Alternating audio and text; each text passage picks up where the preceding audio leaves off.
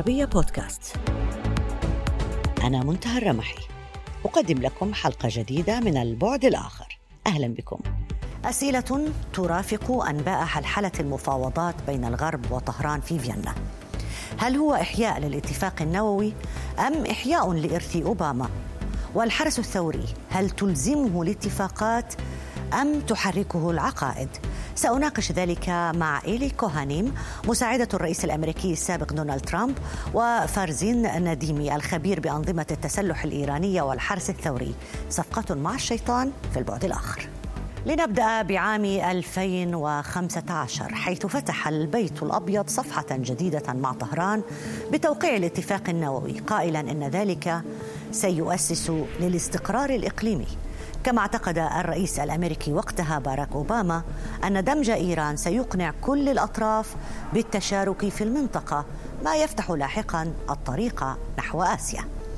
واعتقد أيضا أن التمكين لحكام طهران قد يفتح الطريق للإسلام السياسي في بقية دول المنطقة السنية. لكن الذي حدث أن إيران استخدمت رفع العقوبات المالية والاقتصادية لزعزعة المنطقة أكثر فأكثر.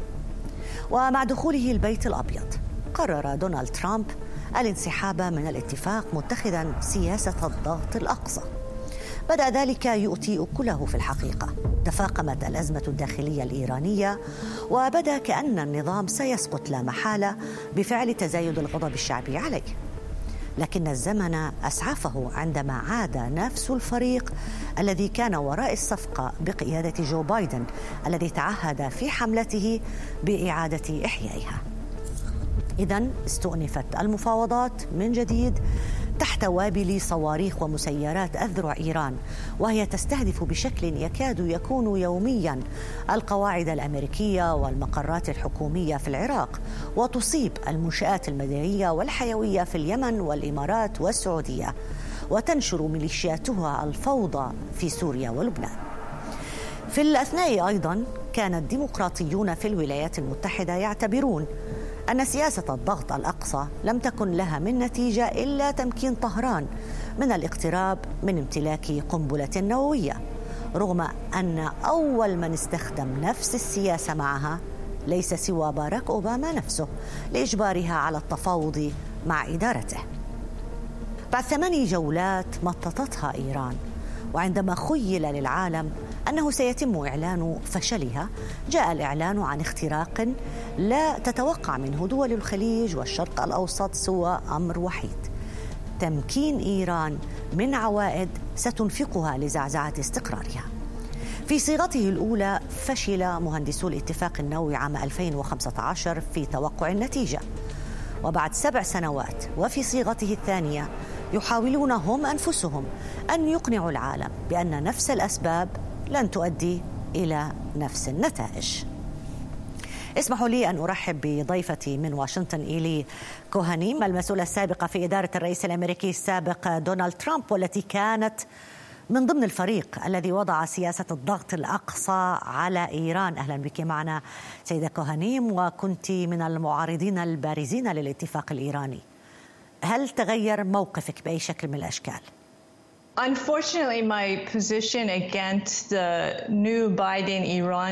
للأسف فإن موقفي إزاء اتفاق بايدن الجديد مع إيران لم يتغير عن موقف الرافض لاتفاق أوباما مع إيران وذلك لنفس غالبية الأسباب التي كانت وراء مناهضتي للصفقة قبل سنوات.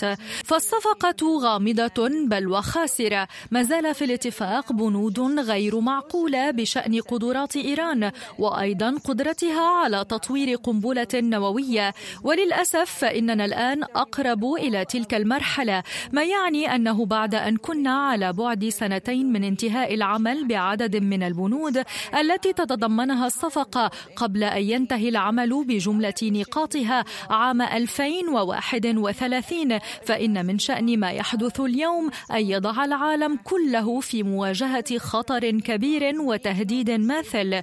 هناك أيضا نقطة انشغال أخرى وهي أن الصفقة لا تعالج برنامج إيران لتطوير ترسانتها الصاروخية كما أن الصفقة لا تعالج سياسة زعزعة الاستقرار ولا سيما على مدى الشرق الأوسط وشمال أفريقيا إلى أي مدى يمكن اعتبار الصفقة أو الحديث عنها انعكاسا للاستقطاب داخل الكونغرس الأمريكي؟ تعيش الولايات المتحدة حاليا استقطابا. يشمل ذلك وفق ما نرى كل الملفات على الصعيد الداخلي وأيضا ما يتعلق بالسياسة الخارجية. الديمقراطيون والجمهوريون ومن ورائهم الرأي العام في المجتمع يعيشون حالة انقسام حول العديد من القضايا. وفيما يتعلق بإيران والشرق الأوسط ما أعتقد أعتقده هو أن الإعلام الأمريكي ما زال يتغاضى عن العديد من الملفات المهمة ما يصعب على الرأي العام الأمريكي فهمها وأعتقد أنه لو فهمها فإن جل الأمريكيين لن يقبلوا بالاتفاق. لنتذكر أن النظام الإيراني عندما صعد إلى الحكم عام 1979 قام أول ما قام به باقتحام واحتلال السفارة الأمريكية واحتجاز طاقم تحريمها رهائن داخلها لشهور طويلة جدا. جرى كل ذلك مع رفع شعارات مضادة للولايات المتحدة تعتبرها عدوا والنظام مستمر بذلك حتى الآن بدءا من قائده خامنئي وترفع تلك الشعارات انطلاقا منه ونزولا إلى أسفل مكوناته. هؤلاء الناس يعتبرون الولايات المتحدة الشيطان الأكبر ولو كان بإمكان الرأي العام الأمريكي فهم ذلك بشكل أوسع فلن يكون هناك أي احتمال لأن يكون من بينه من يدعم دخول الولايات المتحدة في صفقة مع مثل هذا النظام الذي يدعو لموتها وتدميرها. من المستحيل أن يقبل الأمريكيون بدعم هذا الاتفاق الذي يمهد لطهران الطريق لامتلاك قدرات نووية. لهذا النظام سجل موثق يمتد على أكثر من أربعين عاما من الإرهاب منها عقد كامل سواء أثناء حكم الديمقراطيين أو الجمهوريين صنف خلاله في صدارة الدول الراعية للإرهاب على مستوى العالم كله. لا أعتقد أننا بحاجة لبذل جهد كبير ليفهم الرأي العام انه ما من سبيل معقول من أجل حماية أمننا القومي أن يمنح الراعي الأول للإرهاب في العالم إمكانية الحصول على قدرات تقوده لامتلاك امتلاك سلاح نووي. آه، من حيث الحصول على قنبلة نووية يعني هناك أيضا من يناقش بأنه سياسة الضغط الأقصى لم تؤدي بإيران إلا الاقتراب من صنع القنبلة النووية. أكثر فأكثر. ما تعليقك؟ This argument is a very uh, faulty argument and I'll explain هذا التبرير يتضمن مغالطات وسأشرح لكم ذلك. سياسة الضغط الأقصى كانت أقوى حملة عقوبات في التاريخ تقررها دولة ضد أخرى وهي الحملة التي قررتها إدارة ترامب ضد إيران وما رأيناه من نتائج لها أنه بحلول يناير العام الماضي عندما دخلت جو بايدن البيت الأبيض أصدر صندوق النقد تقريرا قال فيه إن النظام الإيراني لم يعد يحتكم سوى على أربعة مليار دولار من العملة الصعبة التي يمكنه التصرف فيها. وهذا يعني وبلغة بسيطة جدا أن النظام الإيراني كان على حافة الإفلاس. وهذا يعني أيضا أنه لو استمرت إدارة ترامب أربع سنوات إضافية في البيت الأبيض لكان هناك واقع مختلف. إما أن النظام الإيراني قد انهار في الحد الأدنى فقد جل سلطاته أو أنه أذعن للتفاوض مع الأمريكيين من موقع مختلف لا يكون فيه قادرا على فرض مطامحه أو رؤيته التي تحفظ مصالحه على حساب العالم. اليوم وللأسف نرى أنه على مدى عام منذ دخولها البيت الأبيض تخلت إدارة بايدن لإيران عن كل المكتسبات التي حققتها إدارة ترامب ومن ورائها الشعب الأمريكي والعالم والتي تركها ترامب خلفه في البيت الأبيض. للأسف لم نعد في وضع يجد فيه الغرب نفسه ممسكا بزمام الأمور في مواجهة إيران بفعل الهدايا التي قدمتها إدارة بايدن لها.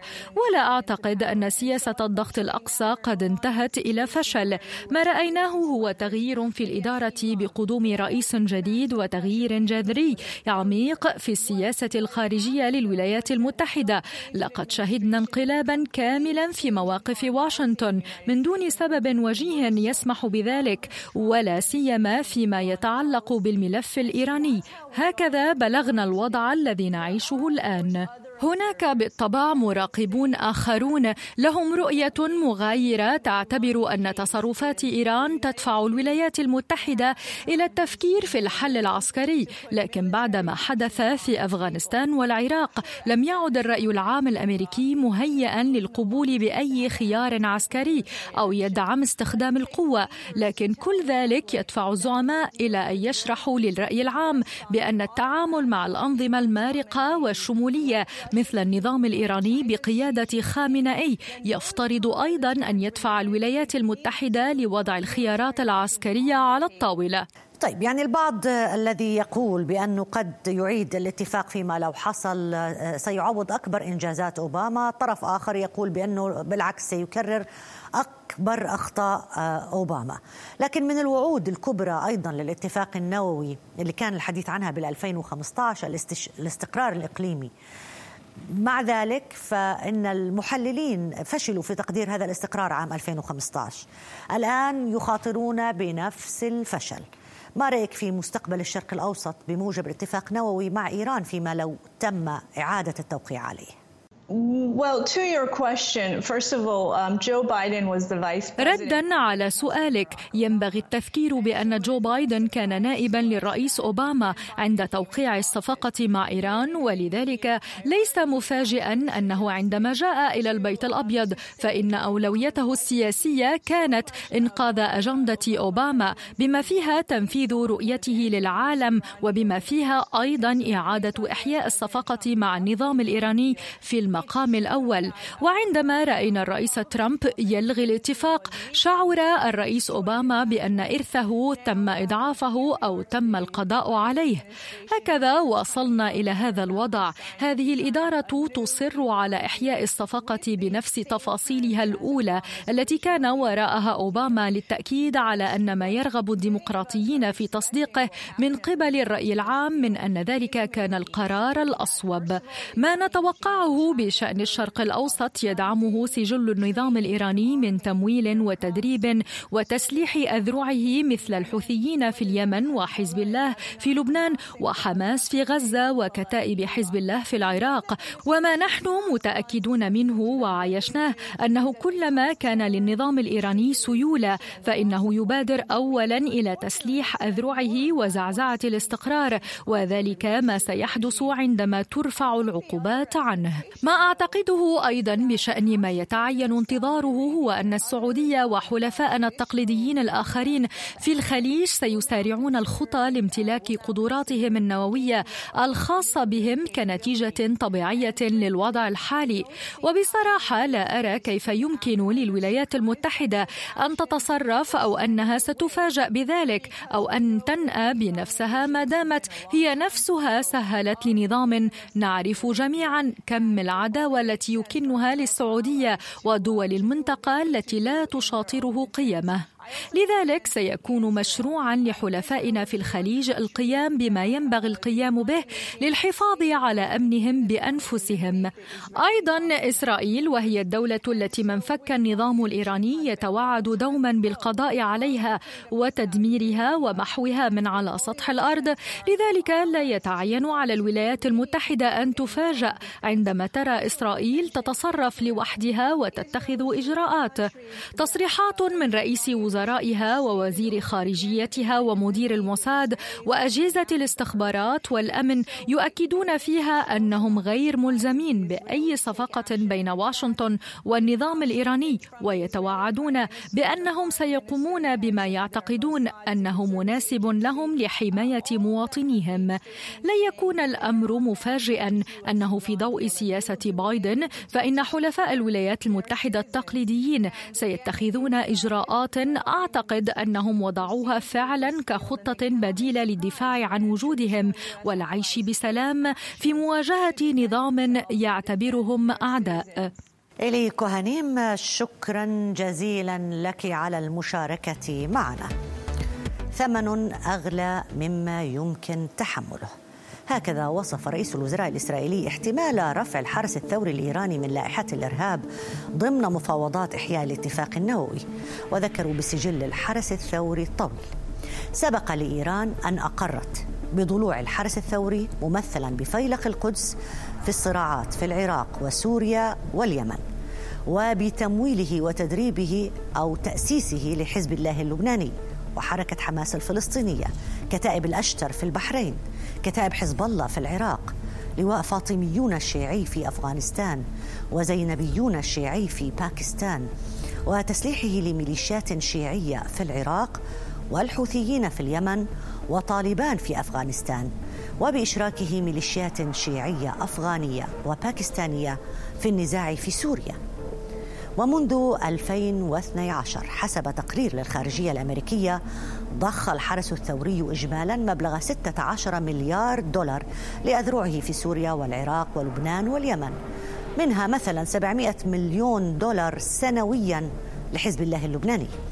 وأشار تقرير خبراء الأمم المتحدة عام 2018 إلى أن الحرس الثوري وفر الحماية لقادة تنظيم القاعدة منذ فرارهم من أفغانستان عام 2001 واستخدام آلاف من الأطفال اليمنيين والأفغان قتل منهم المئات في ساحات المعارك في اليمن وسوريا. والضلوع في عمليات اغتيال جرت في عشرين دولة موزعة على خمس من القارات السبع حول العالم.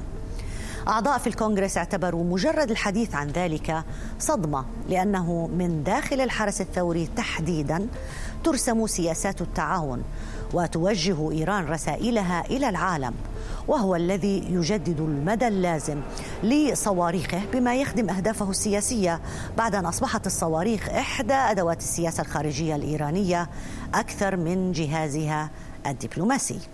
ينضم إلينا من فيرجينيا في الولايات المتحدة فرزي النديمي الباحث في معهد واشنطن والخبير ببرامج التسليح الإيرانية والحرس الثوري. أهلا بك معنا سيد نديمي.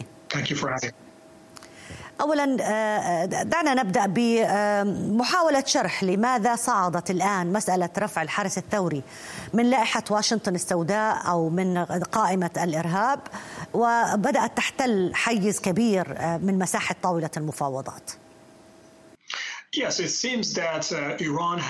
يبدو أن إيران أولت الكثير من الاهتمام لمسألة شطب اسم الحرس الثوري الإيراني من على قائمة المنظمات الإرهابية الأجنبية التي تعدها وزارة الخارجية الأمريكية. ويعود السبب في ذلك إلى البعد الرمزي إلى حد كبير لخطوة من هذا القبيل علاوة على أهمية الحرس الثوري الإيراني باعتباره الركن الأساسي للنظام الديني في إيران. لكن حقيقة الأمر هي أن الحرس الثوري قد خضع للعقوبات العقوبات التي فرضتها عليه الولايات المتحدة منذ عام 2007 وخضع فيلق القدس التابع للحرس الثوري أيضا لعقوبات فرضتها عليه كل من وزارة الخارجية ووزارة الخزانة في الولايات المتحدة. كما أن الاتحاد الأوروبي فرض عقوبات أخرى على الحرس الثوري الإيراني منذ عام 2010 على الأقل. لذلك فإن إزالة الحرس الثوري من قائمة المنظمات الإرهابية قد تكون له فائدة محدودة من الناحية العملية غير أن الإجراء سوف يكون ذا دلالة رمزية كبيرة بالنسبة للنظام الديني في إيران لما يراه من رمزية في الخطوة التي سوف تمنحه كذلك دفعة معنوية للأسباب التي ذكرتها ولأهمية الحرس الثوري الداعم للنظام الإيراني برمته. بالطبع لا شيء تغير ولا شيء سيتغير في الحرس الثوري. نحن نعرف أن الحرس الثوري هو نتاج لدمج عدة ميليشيات كانت تنشط أثناء الثورة الإيرانية عام 1979 تحت شعار حمايتها وهي مجموعات شبه عسكرية انبثقت عن عدة فصائل أغلبها إسلامية. ثم أسبغ عليها المرشد الأعلى آية الله الخميني الطابع الرسمي عندما أعلنها القوة الرسمية الحامية للنظام وشيئا فشيئا تحول إلى منظمة عسكرية صلبة لها ذراعها الاستخباراتية وأنشطتها الاقتصادية الواسعة بما سمح لها بالسيطرة على الحياة السياسية. وبالتالي أصبح الحرس الثوري جزءا أساسيا من النظام ككل. بل إن النقطة الثالثة من الدستور الإيراني تشير صراحة إلى أن دور الحرس الثوري هو الدفاع عن المسلمين المظلومين في العالم حسب تعبيره. لذلك فإنهم سيستمرون في الادعاء بأن نشاطهم له أرضية شرعية وقانونية حيث إن اللوائح تجبرهم حسب ادعائهم على دعم مثل هذه المنظمات والجماعات المصنفة إرهابية من قبل دول عدة. ولذلك سنستمر في رؤية تضارب وتداخل في المصالح بين الحرس الثوري وعدة ميليشيات في دول عدة في المنطقة. هل هناك أي نوع من الضمانات يمكن تقديمها بهذا الشأن من قبل إيران؟ هل يعني هل هذا مقبول عقلانيا؟ لا يمكن أن يكون إلا محض استشراف أن يتضمن الاتفاق النووي ضمانات من الحرس الثوري بأنه لن يتدخل في دول أخرى في المنطقة. ولكنني على يقين بأنه لا يمكنني أن أصدق أي التزام أو تعهد منهم لأنه مثلما أشرت إلى ذلك فإن نشاط الحرس الثوري مدمج ضمن الدستور والقوانين المؤسسة للجمهورية الإسلامية الإيرانية والتي تشير صراحة إلى أن دور الحرس الثوري هو حماية الثورة الإسلامية والدفاع عمن يعتبرهم مسلمين مستضعفين أينما كانوا وأنه يتعين عليه أيضا تصدير الثورة ومبادئها. عقيدة الحرس الثوري تقول إنهم ينفذون شرع الله على الأرض وفقا لتأويلهم الخاص بناء على رؤية المرشد الأعلى.